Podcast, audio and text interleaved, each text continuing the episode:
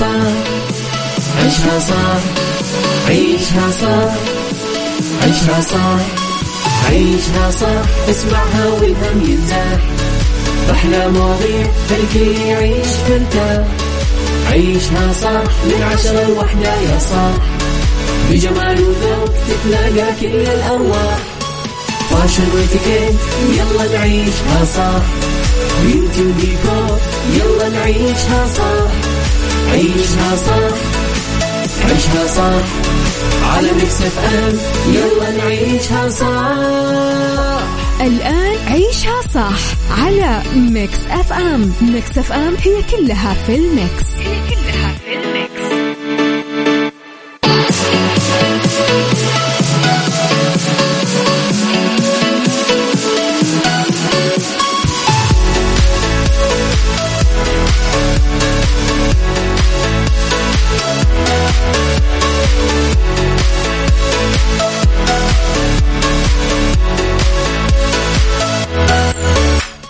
يا صباح الخير يا صباح الورد يا صباح السعادة يا صباح الرضا يا صباح العافية والمحبة والتوفيق والرضا والعافية. تحياتي لكم مستمعينا وين ما كنتم. صباحكم خير من وين ما كنتم. تسمعوني أرحب فيكم من وراء المايك وال control أميرة العباس في يوم جديد و آه صباح جديد وموضوع جديد وحلقة جديدة. ساعتنا الأولى أخبار طريفة وغريبة من حول العالم جديد الفن والفنانين وآخر القرارات اللي صدرت. ساعتنا الثانية قضية رأي عام وضيوف مختصين وساعتنا الثالثة طبعا صحة وجمال وديكور وفاشن وإتيكيت وغيره من الفقرات الحلوة. على تردداتنا بكل مناطق المملكة تقدرون تسمعونا. جدة 105.5 الرياض والشرقية 98 على رابط البث المباشر تقدرون تسمعونا. وعلى تطبيق Mix FM Android و iOS أكيد إحنا دايما موجودين. آه تقدرون آه تتواصلون معنا على رقم الواتساب صفر خمسة أربعة ثمانية, ثمانية واحد, واحد سبعة صفر صفر. أما على at Mix FM Radio آه تويتر سناب شات إنستغرام فيسبوك فجديدنا كواليسنا تغطيات الإذاعة والمذيعين وآخر أخبارنا. إذا يلا صبحوا علي مستمعينا برسائلكم الحلوة. وقولوا لي كيف بادين صباحكم كيف يومكم؟ آه يعني لا تكتبوا لي بس صباح الخير اكتبوا لي اكتبوا لي سوالف سولفوا معي.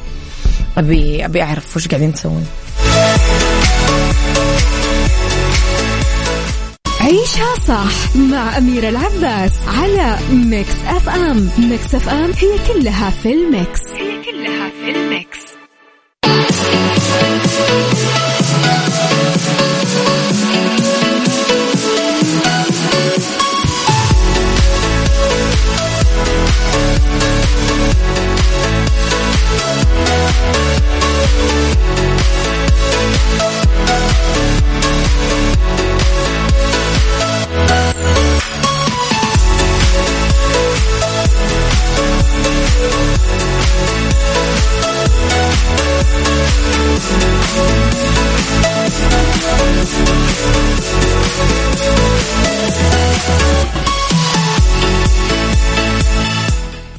يا صباح الورد صباح الفل. مستمعين قولوا لي يلا شربتم قهوتكم.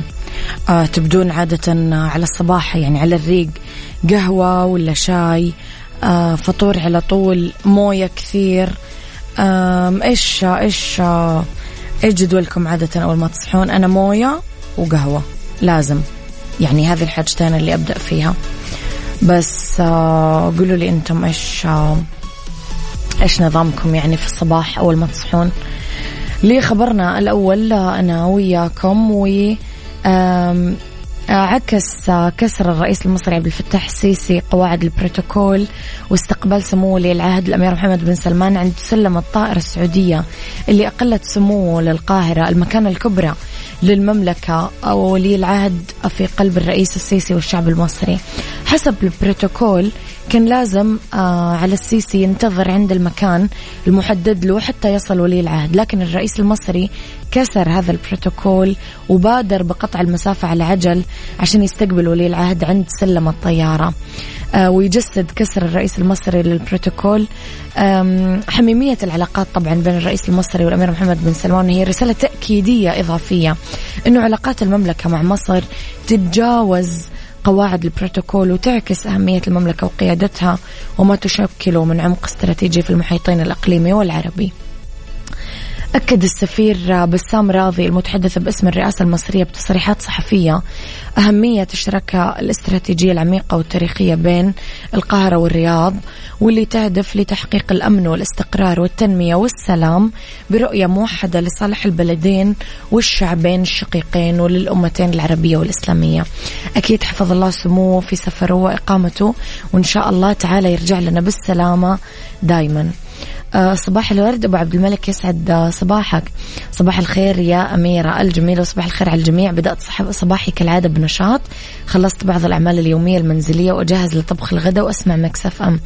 أيوه أنا من عشاق الموية بس حاذف حاذفه اليومين من جدول القهوة والشاي والمنبهات. وفطرت الحمد لله ويوم جميل على الجميع يا رب. أختكم لطيفة. برافو لطيفة إنه انت قادرة تعملين كذا. أنا بدون ال... بدون كافيين القهوة تحديدا ما أحس أشتغل. يعني أنا كبني آدم ما أحس أشتغل أبدا. صباح الورد والله بالزحمة وبالدوام لأني معقب فأروح ادارات واذاعتي المفضلة مكسف أم. موية على الريق بعد ساعة فطور وبرتقال بعدين كابتشينو. هذه الترويقة الصباحية. طيب حلوين. طب إيش رأيك يا صديقي تكتب لنا اسمك عشان نعرف بس نصبح عليك؟ عيشها صح مع أميرة العباس على Mix FM. Mix FM هي كلها في ال mix. هي كلها في ال mix.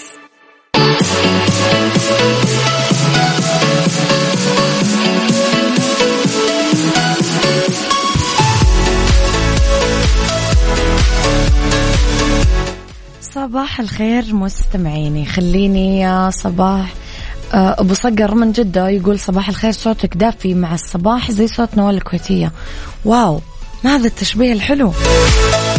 ما أعتقد إني بهذا الجمال. حمزة هاشم صباحك عسل. آه، وأحلى صباح لكل المستمعين. يوم جديد وبداية جديدة. كل التوفيق لكم. صباح الفل. صباح الخير أخت أميرة. اليوم يوم الأب وأعتب عليكم أنكم ما جبتم طاري أبد لأنه يوم الأب قبل أمس يا صديقي. يوم الأب كان تاريخ 19 وإحنا أكيد تكلمنا عنه. فكل عام وكل أبهاتنا بخير. والله يرحم المتوفين منهم ويحفظ اللي عايشين. يا رب. ويديمهم تاج فوق روسنا أحمد فؤاد صباحك ورد وفل يا أمير عاداتي الصباحية. كل يوم أخذ لي تفاحتين أكلهم في السيارة مع كوب حليب دافي وأنا رايح الدوام. ولو نسيت اتضايق جدا. بس الحمد لله لي شهر متواصل متذكر. والله برافو برافو. إيش العادة الحلوة هذه؟ صباح الخير أبو حاتم من جدة. صباح الفل. شاركت الملكة إليزابيث البالغة من العمر 96 سنة صورة على حساب العائلة الملكية آه، الرسمي على إنستغرام يوم الأحد بمناسبة يوم الأب. في الصورة اللي التقطت عام 1946 شهدت الأميرة إليزابيث أنذاك و... وأبويها يبتسمون لبعضهم وهم واقفين في حديقة وجاء في التعليق على المنشور أتمنى لجميع آه، متابعينا يوم أب سعيد جدا. بالمناسبة ذاتها ومن خلال حسابها الخاص على إنستغرام تشارلز وكاميلا دوقة كورنوال شاركوا كمان التكريم بمناسبة يوم الأب. نشر الزوجين سلسلة من الصور للأمير تشارلز 73 سنة بجانب والده وكمل 74 سنة مع والدها. ولقطة للأمير تشارلز مع الأمير ويليام والأمير هاري. وكتب جنب الصور نتمنى للجميع. يوم أب سعيد. يا سلام. مستمعيني خليني أقول لكم لا تفوتون الأنشطة المائية بنادي جدة لليخوت في جدة Waves جوا فعاليات موسم جدة. من خمسة ونص الصباح إلين خمسة وثلاثة وخمسين دقيقة المساء. في كثير حاجات تقدرون تعملونها. تجربة اليخوت الشراعية فولفو تجربة لوحة الثلج الإلكتروني الطائر قارب شراعي لوحة الثلج شراعي رحلة صيد سمك. ولا تنسون إذا حجزتم التذكرة راح يكون عندكم parking مجاني دخول ال promenade دخول ال marina منطقة اليخوت وأكيد عروض حية حصرية. عيشها صح مع أميرة العباس على Mix FM Mix FM هي كلها في ال mix. هي كلها في ال mix.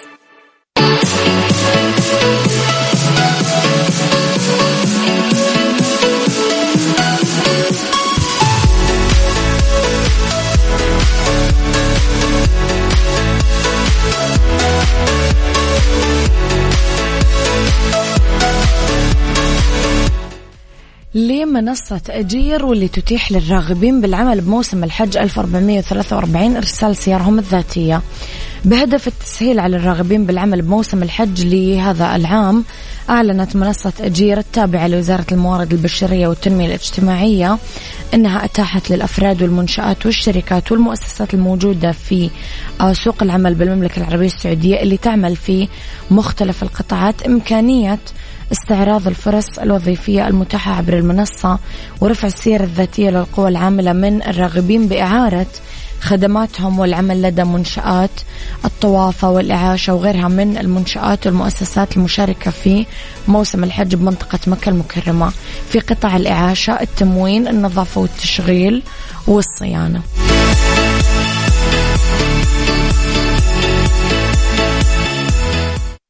عيشها صح. عيشها صح. عيشها صح. عيشها صح. عيشها صح. عيشها صح عيشها صح اسمعها والهم ينزاح أحلى مواضيع الكل يعيش ترتاح عيشها صح من عشرة لوحدة يا صاح بجمال وذوق تتلاقى كل الأرواح. fashion واتيكيت يلا نعيشها صح بيوتي وديكور يلا نعيشها صح عيشها صح عيشها صح على Mix FM. يلا نعيشها صح الآن عيشها صح على Mix FM. Mix FM هي كلها في ال mix. هي كلها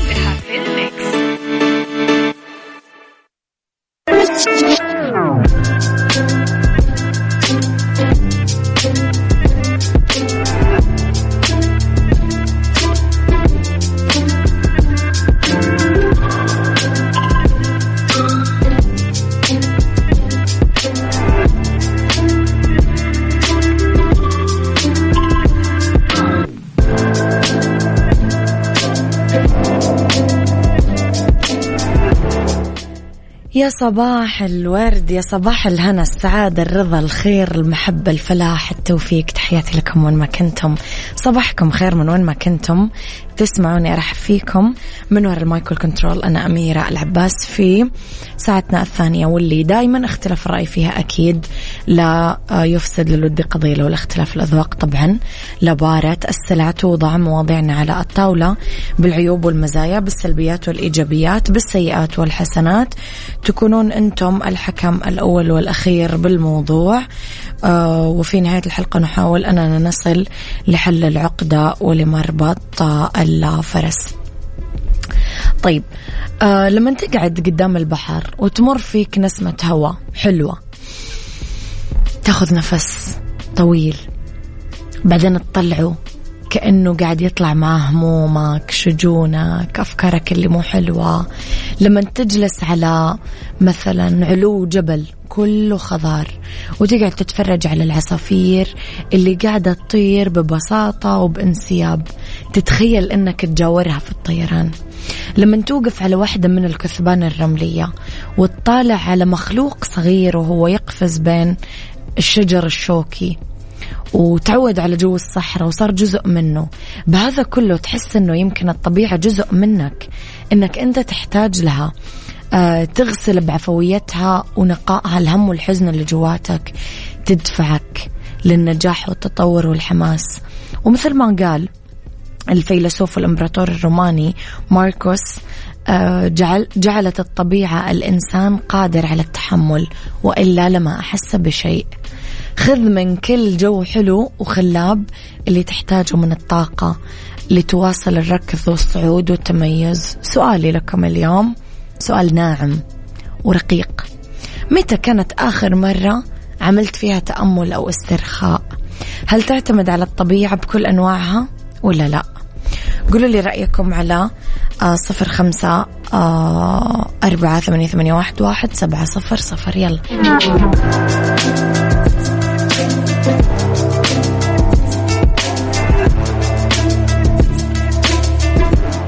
عيشها صح مع أميرة العباس على Mix FM Mix FM هي كلها في ال mix. هي كلها في ال mix.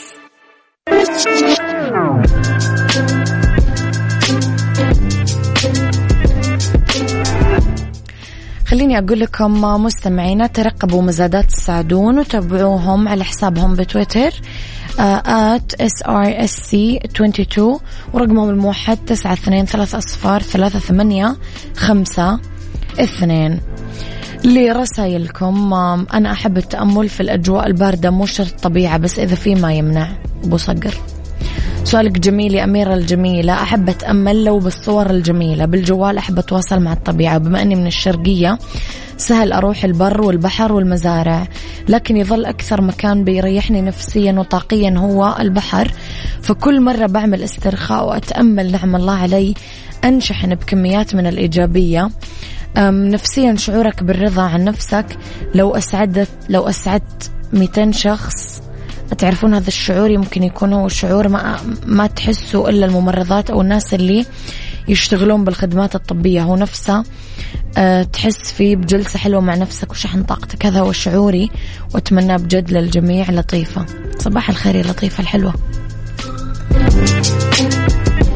أنتم مستمعين قولوا لي رأيكم على صفر خمسة أربعة ثمانية, ثمانية واحد, واحد سبعة صفر صفر.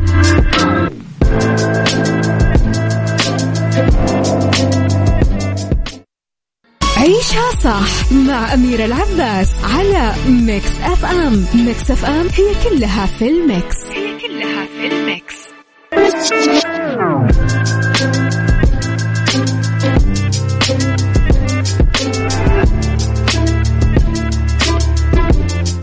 صباحكم خير مستمعينا تحياتي لكم. وين ما كنتم؟ اسمحوا لي أقدم لكم فقرتنا. آه راح نتكلم عن سياسة تقديم خدمات ما بعد البيع وقبل البيع كمان من حيث الشكاوي ورصدها والوقت المستغرق لحلها. اسمحوا لي أستقبل هاتفيا الأستاذ نايف المطيري مدير إدارة العناية بالعميل. يسعد صباحك أستاذ نايف. أهلا وسهلا أهلا فيك أختي أميرة. نرحب فيك آه، في آه، حلقتنا اليوم.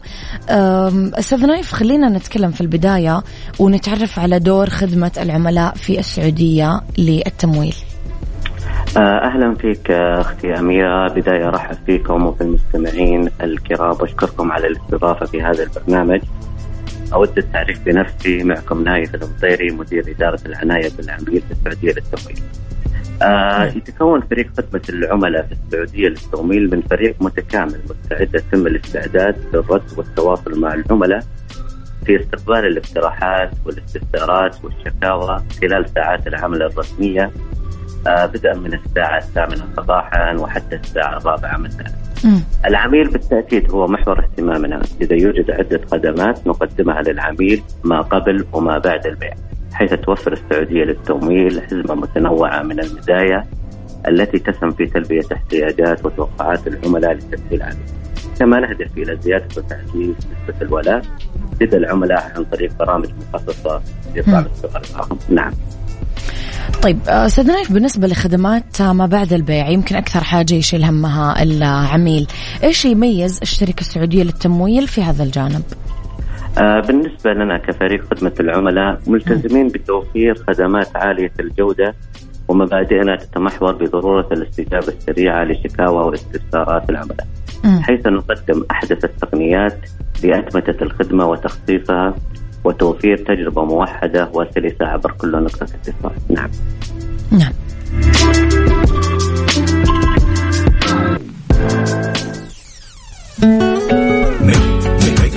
Mix FM انت تستمع إلى Mix FM Mix FM it's all in the mix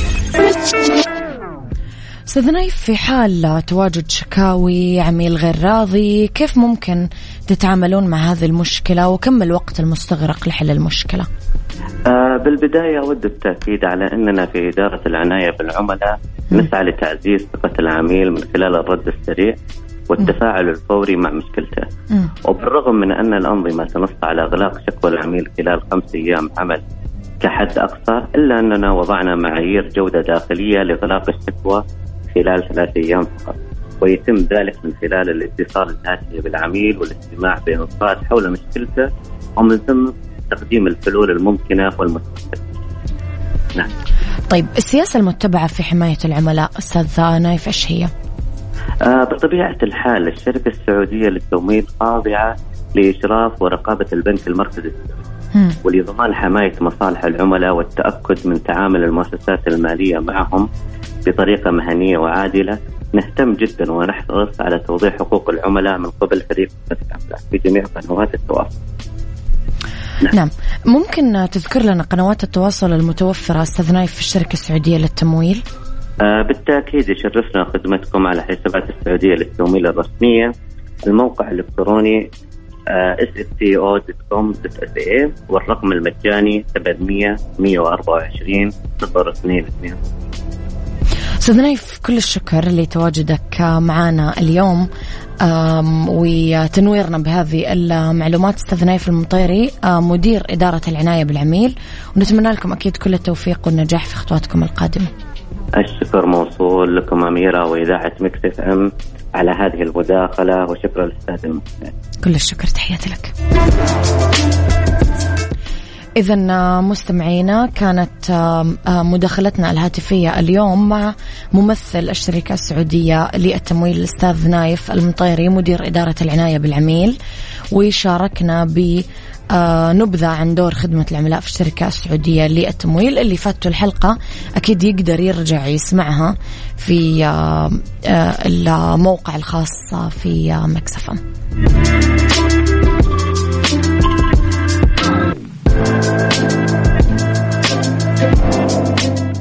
عافيتك ضمن عيشها صح مع أميرة العباس. عافيتك برعاية المركز الطبي الدولي على Mix FM.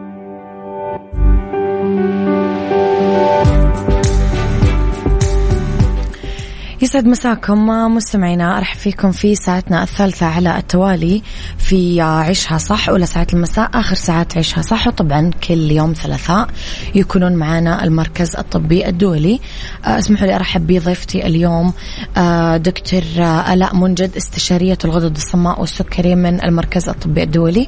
مساء الخير دكتورة. مساء النور يسعد مساكم وإن شاء الله بإذن الله نكون ضيفة خفيفة وتكون حلقة مفيدة بإذن الله للجميع. بإذن الله دكتورة نورتي حلقتنا. اليوم.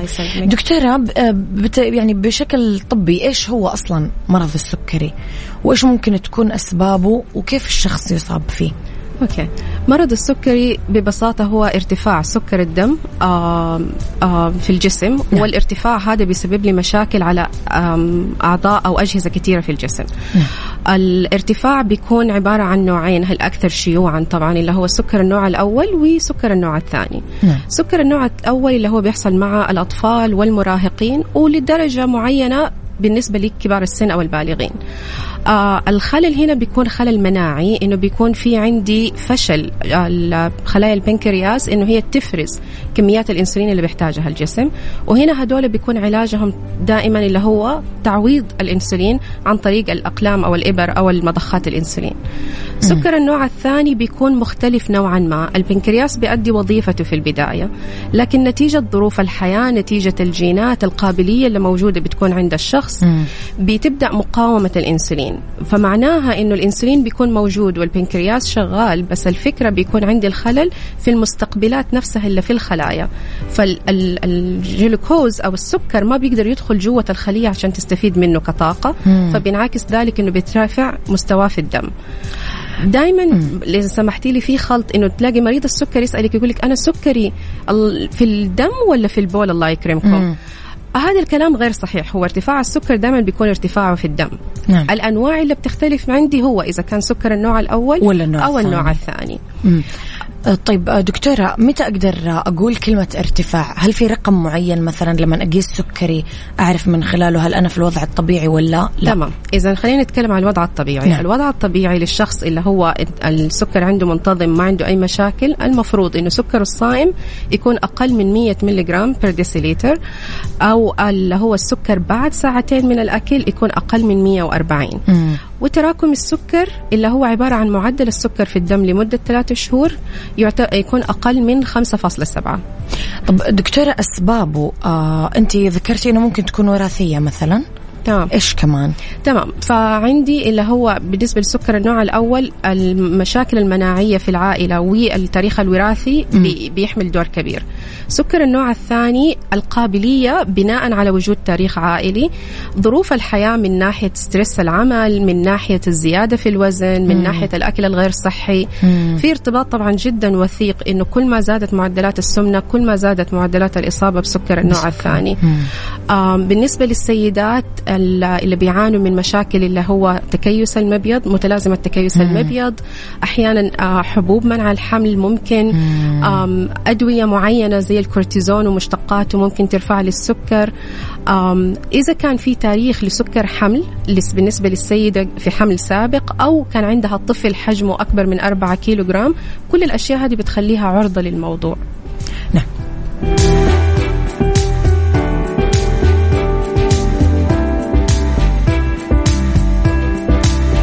عافيتك ضمن عيشها صح مع أميرة العباس. عافيتك برعاية المركز الطبي الدولي على ميكس أف أم.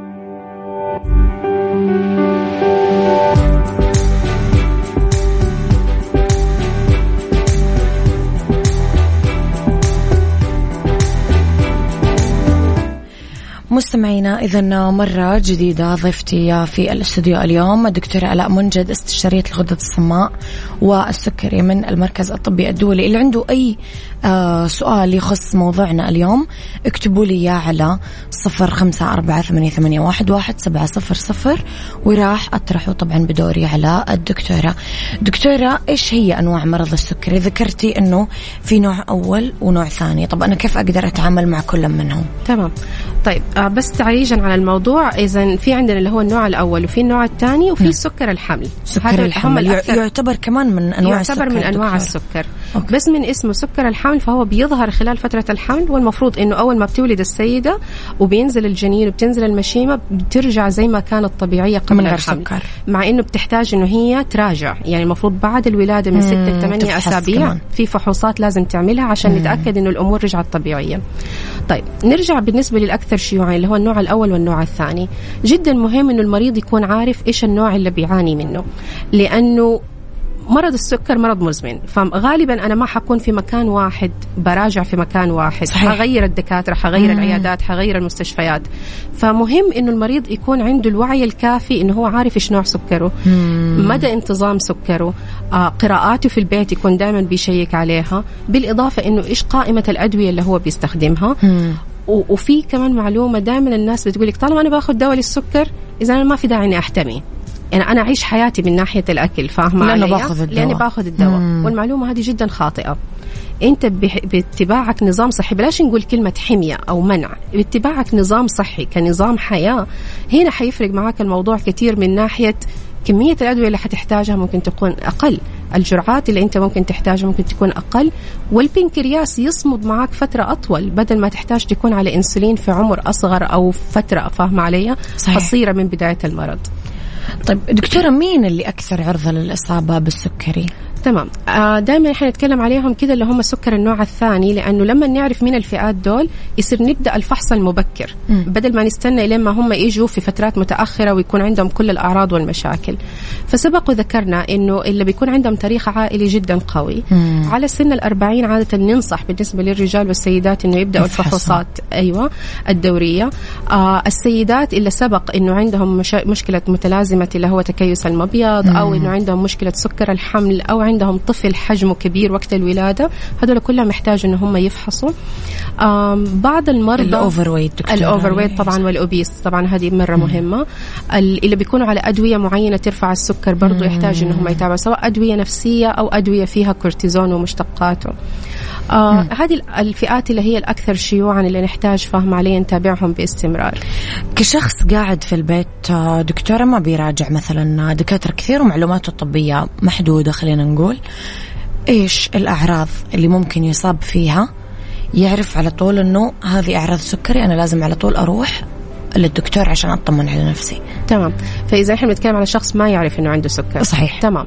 فالأعراض دائما بتكون إنه هو أول شيء جهد يعني طاقته بتكون فاهم عليه. دائما بيشتكي إنه ما عنده طاقة. تعب وإرهاق ما لهم تفسير. آم زيادة في العطش وزيادة في التبول الله يكرمك. آه جوع أحيانا. وإذا كان السكر جدا عالي ممكن نوصل لمرحلة إنه المريض بيبدأ يفقد وزن بس هو ما بيعمل أي شيء. يعني هو لا بيعمل أوكي. نظام غذائي ولا بيعمل أي رياضة بس هو بيلاقي وزنه باستمرار بينزل إيش سبب خسارة الوزن دكتور؟ آه هنا بنتكلم عليها اللي هو زي فكرة تسمم السكر إنه السكر آه. لما يبدأ يصير جدا عالي والإنسولين بيبدأ الجسم يفقده لأنه الإنسولين يعتبر من الهرمونات اللي تبني. الجسم فنقصه وعدم وجوده يؤدي فاهم علي لارتفاع لنقص سكر الوزن. عالي ونقص أو نقص الوزن طيب الحين نروح دكتورة للي عارف. خلاص هو عارف إنه هو مريض سكر. إيش العلامات والأعراض اللي لازم على طول يتجه فيها للطوارئ؟ تمام. ما راح يقدر هو يعالج نفسه. تمام. فهنا بنتكلم على حاجتين. إما إنه يكون عندي ارتفاع مم. حاد وعامل لي مشاكل أو. عندي هبوط حاد وأنا ماني قادرة أتعامل معاه في البيت. مم. نبدأ بالهبوط. تعريف الهبوط بالنسبة لمريض السكر إنه يكون أقل من 70 آه، أعراضه دائما بتكون بيبدأ في البداية إنه ممكن زيادة في الجوع آه، ممكن غثيان خفقان زيادة في ضربات القلب آه، زيادة في التعرق توتر ما هو معروف سببه. وإذا زاد الموضوع يبدأ يأثر. صداع زغللة في العين ممكن توصل لا قدر الله ل آم، صرع أو فقدان ال ال آه آه يفقد الوعي. ويفقد الوعي. يفقد الوعي. بالضبط. طيب. أوكي. تمام هذا بالنسبة لي الانخفاض. آه بالنسبة للارتفاع نفس الأعراض اللي ذكرناها اللي هي أعراض ارتفاع السكر بس يكون معاها إنه هو لما بيقيس سكره في البيت بيلاقيه جدا عالي. يعني باستمرار مثلا فوق ال 250 300 فهمتي علي؟ بياخذ كل الأدوية وبيعمل كل النصائح المفروض يسويها والسكر ما بينزل. هنا الأفضل إنه يا يراجع طبيبه إذا بيقدر يشوفه على طول أو إنه يتوجه لأقرب طوارئ. يطمن على نفسه. سكر النوع الأول طبعا مختلف في موضوع إنه هم عندهم مشكلة الارتفاعات ومشكلة اللي هي الحموضة الكيتونية في الدم. مم. آه هنا بيكون المفروض هم عارفين كيف يتصرفوا في الارتفاعات كيف يشيكوا على نسبة الكيتون في البيت. مم. إذا ما هم عارفين يصير يتوجهوا لأقرب طوارئ لأنه هم اللي حيقولوا لهم إيش الوضع. وهنا غالبا المريض بيحتاج إنه يتنوم يكون على إنسولين ومحاليل عن طريق الوريد. طب دكتورة من من واقع ال- الحالات اللي حضرتك بتعالجيها وبتتابعيها إيش أكثر المعتقدات الخاطئة اللي عدت عليكي واللي شائعة عند الناس فيما يخص السكري؟ تمام نبتدي أولها مثلا موضوع هل مريض السكر أو مريضة السكر عادي إنه هي تتزوج أو عادي إنه هو يتزوج عادي. إنه هي تحمل فهمتي علي مم. يعني أحيانا تلاقي مثلا أنا ناس- أعرف دكتور عرسان انسحبوا من. الزواجات إنه عشان لما ما ما تقدر تحمل أيوه وهذه المعلومة غير صحيحة. آه. تمام؟ آه أحيانا في تخوف بالذات لو هم السكر النوع الأول تقول لك إنه هي ممكن تورثه فاهمة علي؟ للطفل أو الطفلة مستقبلا. هي كلها نسب فاهمة علي؟ ما حد يقدر يقول والله ما في 100% إجزام بالموضوع، طفلها. حيكون عنده سكر أو لا. هي الفكرة هو مرض مزمن. يعني السكر ما هو وصمة عار فهمتي علي؟ عشان أنا مستقبلي أو حياتي تعتمد بس على أني أنا مريضة سكر ولا لا. مرض مزمن إذا أنا عرفت كيف أتعايش معاه حقدر أعيش حياة سليمة. عندنا كثير سواء مرضى رجال أو سيدات متعايشين مع المرض. ما شاء الله تبارك الله عندهم أطفال كلهم بصحة تامة وأمورهم تمام. فهذه أول إشكالية يقدر مريض السكر يتزوج ويقدر ينجب وما عنده طبيعي. أي مشاكل المعتقد الثاني الخطأ إنه أنا مريض سكر حبدأ مثلا على إنسولين أو حبدأ على حبوب أوكي اذا أنا ما في داعي إني أنا ألتزم بنظام صحي غذائي فاهمة علي؟ صحيح اللي أبغاه. بالضبط. وهنا أنت كل اللي بتسويه ترى إنك أنت بتدمر بسرعة الخلايا اللي باقية عندك في البنكرياس. وبدل ما كنت مثلا على نوع أو نوعين من الأدوية خلال كم سنة حتبدأ تزيد قائمة الأدوية و- ونوصل للإنسولين إلى الأغلبية فاهمة علي؟ يتهربوا منه وما يبغوا يوصلوا للمرحلة دي. من الأشياء برضو الشائعة في سكر الحمل. مثلا لو قلنا للسيدة والله سكرك غير منتظم على الحمية نحتاج أنه نبدأ حبوب أو نحتاج نبدأ إنسولين. تقول لك لا قالوا أو سمعت في الواتس أنه وانس أني أنا حبدأ الإنسولين معناها أنا السكر حيثبت عندي. وهذا الكلام خالي تماما من الصحة. مم. السيدة وهي حامل مهما كان نوع العلاج إلا حتحتاجه خلال الحمل المفروض إن شاء الله بالولادة سكر الحمل يختفي بنسبة جدا عالية. في بعض السيدات اللي يكون مثلا عندهم مشاكل من قبل الحمل فاهمة علي؟ في انتظام السكر ممكن يستمر معاهم. بس إذا الغالبية العظمى المفروض إنه بيختفي. فاستخدامك للمنظم اللي هو الجلوكوفاج تمام المتعارف عليه بين المرضى كحبوب أو استخدامك للإنسولين ابدا ما يعني إنه هو السكر راح يثبت أو إنه هو حيكمل معاك بعد كذا. يعني هذه من أكثر الأشياء اللي بتواجهنا في العيادة. دكتورة أنا أفتكر كان معنا طالبة في المدرسة هذا أيام الابتدائية لأنه كنا نعرف إحنا الطالبات وحتى الأستاذات إنه هي مريضة سكر. كان لها طول الوقت تعامل خاص ولا حد يزعلها ولا حد يكلمها ولا حد مدري إيش وانتبهوا وانتبهوا هذا شوي غلط دكتورة مو إحنا بنتعنصر كذا شوية؟ شوية غلط. شوية غلط بالذات الأطفال يعني. بالضبط. بيأثر. يعني هو تعرف الاهتمام هنا بيكون سلاح ذو حدين. مم. صح هي تحتاج يكون لها وضعها الخاص إنه أنتم كزميلاتها كمدرساتها بالضبط. لا قدر الله حصل عندها ارتفاع حصل عندها انخفاض. بالضبط تتعاملوا معاها. لكن فكرة إنه هي مستثناة فهمتي علي؟ أيه. هنا حيولد مشاكل أصلا بينها وبين الأطفال الثانيين اللي معاها في الفصل. فهي دائما ترى إحنا لما بنتكلم إنه أنا كيف أوزن؟ فاهمة علي؟ صح. هي كفتين ميزان ترى في كل قرارات حياتنا. أنا كيف أوازن بين الناحيتين؟ أوازن بين إنه هي مريضة بس لازم تعيش حياة طبيعية. نوعا ما طبيعية فاهمة؟ مقارنة بالضبط بأقرانها اللي موجودين معاها في المدرسة. دكتورة إيش المشاكل الصحية الناتجة عن عدم انتظام السكر؟ تمام آه إلا المفروض الكل يكون على دراية بيها لأنه هذه عادة إحنا نعمل لها كشوف وفحوصات م. مبكرة عشان لا قدر الله لو موجودة نقدر نتعامل معها من بدري فالأشياء الأكثر شيوعا عندي اللي هو الشبكية ومشاكل العين آه اعتلال الأطراف العصبية آه اللي هو موضوع التنميل والآلام اللي تيجي في الأقدام وفي الأيادي اللي هي لما تتطور ممكن توصل لا قدر الله لموضوع القدم السكرية م. مشاكل الكلى تمام اللي هي بتبدأ بالتدريج وممكن لا قدر الله توصل لقصور في وظائف الكلى وفشل كلوي مشاكل اللي هي الجلطات سواء كانت قلبية أو دماغية أو حتى لو في عندي تجلطات وانسدادات في الشرايين اللي هي الطرفية مم. العيون دكتور العيون مم. طبعا آه في أشياء كمان الناس ما تعرفها صحة الأسنان مرضى السكر صحيح. عندهم مشاكل مرة كبيرة مع الأسنان مم. بس مو الكل فاهم علي على خبرة ودراية ومو الكل بيحاول دائما يتابع مع طبيب الأسنان لأنه مشاكل الأسنان واللثة مرة شائعة بالنسبة عندنا لمرضى السكر الصحة الجنسية برضو فاهم علي مهمة بالنسبة لمريض كمان. السكر ومهم إنه المريض أو المريضة يتناقشوا في دي المواضيع مع اطبائهم فهمتي علي مم. آه في أحيانا بعض الأشياء كمان اللي هي تتعلق بالمفاصل مثلا اللي هو مشاكل الكتف فاهمة علي؟ أو م. مفاصل معينة في الجسم برضو نتيجة ارتفاعات السكر. طب دكتورة كيف يقدر آه، مريض السكر يعرف إذا سكره منتظم أو لا؟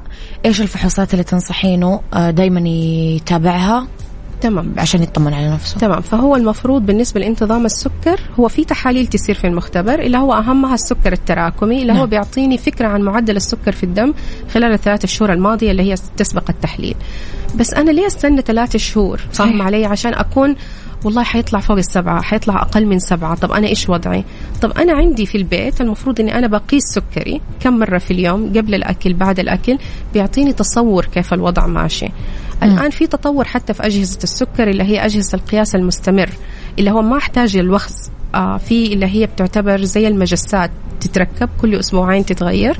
وعن طريق الجوال فاهم عليها مجرد إني أنا أمشي الجوال عليها وبيطلع لي قراءة السكر وبكون عارفة. wow. فالمريض لازم يكون حريص إنه هو عارف مستويات سكره كيف بتكون.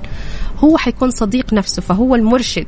والله الأكل ده بيرفع لي السكر النشاط ده بيقلل لي السكر فحيعرف كيف يتعامل في حياته مع أدويته. هذا بالنسبة لتنظيم السكر. نعم. آه بالنسبة للفحوصات الأخرى تمام دائما نهتم بموضوع ارتفاع الكوليسترول والدهون الثلاثية لأنها تكون جدا مصاحبة للسكر. نعمل الفحوصات اللي هي للمشاكل المتعلقة بالسكر فهو وظائف الكلى تحليل للبول الله يكرمك عشان موضوع نسبة الزلال العالية مع السكر. آه نعمل اللي هو الكبد لأنه مشكلة تشحم الكبد برضو أو ترسب الدهون في الكبد جدا شائعة مع مرضى السكر وزيادة الوزن. فهذه الفحوصات اللي عادة نعملها تعتمد ممكن من ستة شهور لمرة في السنة على حسب وضع المريض كيف بيكون. عافيتك ضمن عيشها صح مع أميرة العباس. عافيتك برعاية المركز الطبي الدولي على ميكس أف أم. دكتورة إذا تسمحي لي في اثنين من المستمعين طرحين أسئلة إذا نقدر ناخذها على السريع. في علاج بيسألك في علاج لنهاية سكر أه، النوع الثاني مع تطور العلم. ولا لا تمام آه لحد الآن هو دائما المريض لما يسأل على كلمة علاج هو إيه. ما هو قصده علاج تنظيمي أو علاج يخليني. أتعايش أيوه يعني اللي هو تش... يشفي تماما من السكر أيوة. للأسف لا لحد الآن فاهم علي كل الأدوية اللي موجودة بتساعد إني أنا كيف أتعايش معاه وكيف أنظمه وأعيش حياة طبيعية بحيث إنه ما يأذيني بالضبط آه. طيب دكتور السؤال الثاني هل ممكن أستخدم آه، جلوكوفاج كوقاية من السكري؟ تمام. أي دواء أي دواء لازم يكون تحت إشراف طبي. فإني أنا أجاوب الآن إنه ممكن أو لا من غير ما يكون عندي معطيات فاهم عليه مثلا هي إيش السكر الصايم إيش الم... بالضبط فجدا صعب. لازم تشوف دكتور تحت بعدين. طبي. تقرر. بالضبط. دكتور إيش المستجدات الطبية في علاج السكري؟ ذكرت قبل شوي إنه في حاجة تنحط على الكتف، هذه مثلا من المستجدات هذه من. المستجدات اللي هي بالنسبة لموضوع القياس فاهمة علي؟ لمستويات السكر في من الدم. الإبرة وال بالضبط. آه في عندي المستجدات بالنسبة للعلاجات. طبعا الإنسولين كملنا الآن 101 سنة. تمام على الاختراع الفظيع هذا. آه عندي بعد كده جلسنا فترة جدا طويلة على بس كم نوع من أنواع الحبوب. الحمد لله الفترة الأخيرة يعني آخر 8 خمس سنين فاهم علي كان في ثورة من ناحية علاجين بالنسبة للسكر واحد منهم عن طريق الحقن إما بشكل يومي أو بشكل أسبوعي وما هو إنسولين هو علاج سكر. والنوع الثاني حبوب بتشتغل على الكلى يعني الهدف تبعها الكلى إنه السكر العالي في الدم يتفلتر عن طريق ال- الكلى وينزل في البول الله يكرمك. وهذا الدواء عمل ثورة في عالم wow. تنظيم السكر الوقاية لأمراض القلب والكلى نفس الشيء. طيب دكتورة سؤالنا متعلق بكل أنواع السكري اللي حضرتك ذكرتيها، هل يمكن التعافي منها ولا لا؟ إحنا نعرف انه السكري مرض مزمن. تمام. من- ممكن أشيل كلمة تعافي وأقول تعايش. تعايش، لسه تمام. تعافي ما حنوصل لسه لسه التعافي يعني بالنسبة للسكر النوع الأول أنا أتوقع في كثير اللي بيتابعوني ممكن عندهم سؤال اللي هو موضوع الخلايا الجذعية. تمام؟ بالنسبة لي سكر النوع الأول. طبعا إحنا سمعنا كثير إعلانات بتيجي مثلا من دول في أوروبا أنه هم بيعملوا الموضوع ده وكثير مرضى يسألوا هل نقدر نطلع نسويها؟ هي الفكرة أنه هي خلايا جذعية المفروض أنه هي بتتبرمج تكون كخلايا بيتا اللي هي في البنكرياس اللي مسؤول عن إفراز الإنسولين. آم كل اللي موجود تحت الدراسة، ما في أي شيء مثبت, مثبت. علميا لسه حالة واحدة هي اللي بدأت في أمريكا العام الماضي. تمام تم حقنه. لسه نحتاج على الأقل خمس سنين عشان نقدر. نقول إنه هي آمنة ما هي آمنة. وأي عملية زي كذا أو إجراء زي كذا بيحتاج إنه المريض يكون على أدوية مثبطة للمناعة. نعم. فتكلمنا على كفتين ميزان. هل الموضوع يحوج؟ طالما أنا لسه ما عندي تجربة كاملة تقول إنه هو آمن إذا ما يحوج دكتور عندي فضول أسألك. أكيد عدت عليك حالات آه، بيشوفوا في الإنترنت.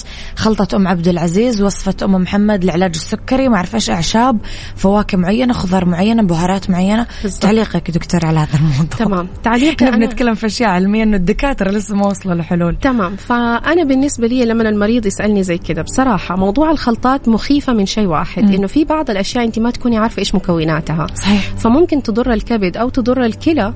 وبدل ما كنا إحنا عشان بنتفادى مشاكل السكر بندخل في مشاكل تانية. جديدة. موضوع إيش الأشياء العلمية المثبتة؟ مثلا زي القرفة مثبتة علميا انه السينامون بينزل فاهم علي؟ حلو. السكر. بس هل حأستعيد بيه عن الأدوية؟ لا أنا ممكن أستخدمه كمكمل فاهم. علي؟ بالضبط. لكن كل الخلطات والأشياء واللي يقول لك بقدونس واللي يقول لك. بامية و... صحيح. ما في أي شيء للأسف علميا مثبت إنه هو لي له آه. فعالية في تنظيم السكر طب دكتورة ليش دايما يقولون إنه آه، مرض السكري ما يحب يقعد لحاله غالبا يجر معاه أمراض ثانية زي الضغط والكوليسترول إنه هو لازم يكون عنده group شلة تمام. يقعد وسطها طيب عجبتني موضوع إنه هو يحب فاهم أي. علي لأنه هو تسمى أمراض مصاحبة يعني آه. مو معناها إنه أنا عشان عندي سكر لازم يسبب لي ارتفاع في الضغط بس هي عنصرها الأساسي ترى زيادة الوزن عنصرها الأساسي آه. زيادة التوتر فاهم علي في الحياة. القابلية من من الجينات فهمتي علي والوراثة في التاريخ الوراثي في العائلة. فهو دائما تبدأ بمشكلة وتلاقي أصحابه التانيين. فعشان كده من ضمن الأشياء اللي إحنا دائما نتابعها مريض السكر ضغطه. هل هو مصاب بارتفاع ضغط الدم ولا لا؟ في أدوية معينة تنفع للإثنين. تنفع لمريض السكري اللي يكون عنده ارتفاع في ضغط الدم بحيث إنه هي تحمي من مشاكل تانية زي مشاكل الكلى. آه الكوليسترول ما هو بس كوليسترول إحنا بنتكلم إحنا دائما نتكلم كوليسترول ودهون ثلاثية فهذه برضو من ضمن الأشياء اللي إحنا دائما لازم نتابعها. إذا في تدخين كمان في الموضوع طبعا هنا بنزيد. الموضوع سوء فاهمة علي؟ فهو دائما نتبع نظام الحياة الصحي وما يعني ما تكون نظرتي لي إنه هو حاجة مؤقتة ثلاثة شهور وحأرجع تاني لحياتي هو حيقعد معي فلازم يصير. صديقي بالضبط طيب آه، دكتورة آم، هل علاج مرض السكري عند كبار السن تحديدا آه، كفئة يختلف عن بقية الفئات العمرية من آه، بالغين أو أطفال أو غيره؟ يختلف يختلف. آه لأنه عادة كبار السن وعادة اللي يعني الله يعطيهم العافية نتكلم اللي بيكونوا في السبعين وفي الثمانين من العمر أول شيء آه بيكونوا كأنهم أطفال فاهم علي؟ بس في أيوة، الطرف صحيح. الآخر صحيح. فاهم علي؟ من الحياة أو من العمر. أي شيء بيبدأ يأثر عليهم. فإحنا طول ما رحلتنا في السكر بنخاف من الارتفاعات. مم. تمام؟ والانخفاضات بنتقبلها لما تكون في حد محدود. بالنسبة لكبار السن الانخفاض حيكون أكثر ضررا فهمتي علي من, من الارتفاع. الارتفاع. لأنه ممكن يكون عرضة لا قدر الله يفقد وعيه ممكن يكون عرضة لا قدر الله للسقوط والسقوط ممكن يسبب له كسور ومشاكل هو. غنى عنها فهذه واحدة من الأشياء اللي دائما نخاف منها موضوع الهبوط السكر ودائما تلاقي في أدوية معينة نحاول نتجنبها بالنسبة لكبار السن عشان مشكلة هبوط السكر هذا رقم واحد رقم اثنين كهدف بالنسبة مثلا لمعدل السكر التراكمي دائما نقول مريض السكر يفضل أنه يكون أقل من سبعة. أحيانا في بعض الفئات نقول حتى أقل من ستة ونص. كبار السن لا بنكون شوية لينين معاهم هينين. يعني لو وصل لسبعة ونص لو وصل لثمانية وما عنده مشاكل صحية كتير كده يكون آمن بالنسبة لي. فهذه من الأشياء اللي دائما إحنا نخلي بالنا. إيش نوعية العلاج؟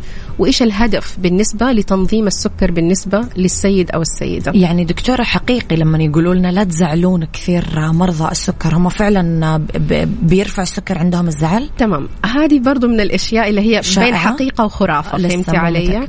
آه يرفع.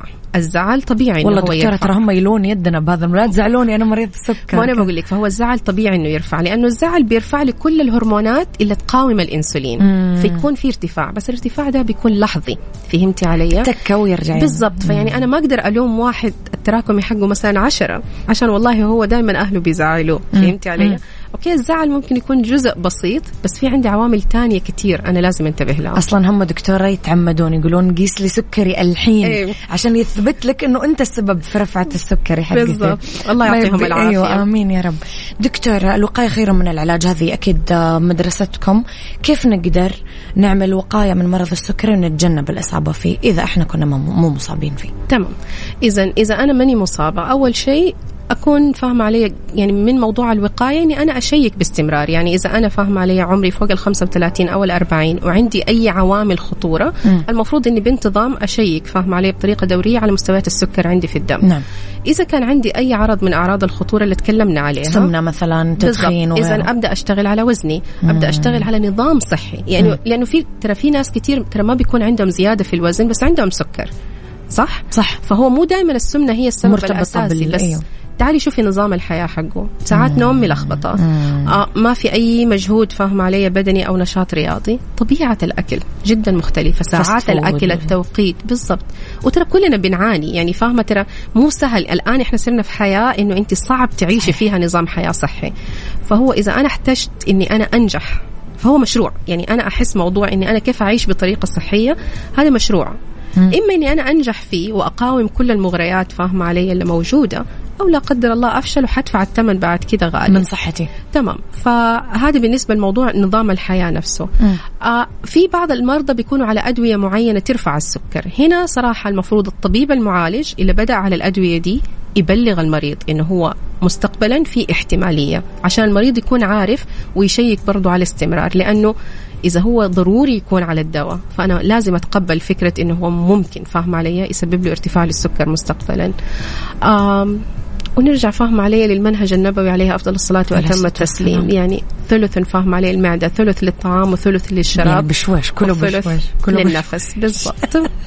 دكتورة بيسألك أحد المستمعين إنه هل ترك الغازيات له تأثير على عدم ارتفاع السكر؟ ذكرتي حضرتك إنه تمام. الأكل الصحي كثير يفرق. بالضبط. فالغازيات طبعا عندنا نسبة كبيرة من الشعب تعتبر هي البديل بالنسبة للمويه يعني تلاقيه هو. بيشربها أكثر ما بيشرب لما يعطش للأسف آه فالغازيات اللي هي العادية ما هي ال diet أو ال zero تمام نسبة السكر فيها بتكون جدا عالية مم. كثير مرضى أول ما بيتركوها بيلاقوا مستويات السكر تتحسن عندهم بشكل مم. جدا ملحوظ فيقوموا يلجأوا الموضوع البديل اللي هو موضوع ال diet وموضوع ال zero ال zero. اللي هي فيها السكر البديل صح على مستوى السكر ما حتفرق معايا كثير بس في دراسات كثير بتقول إنه هي بتزود لي منطقة السمنة وزيادة الوزن حول منطقة البطن. فهمتي علي؟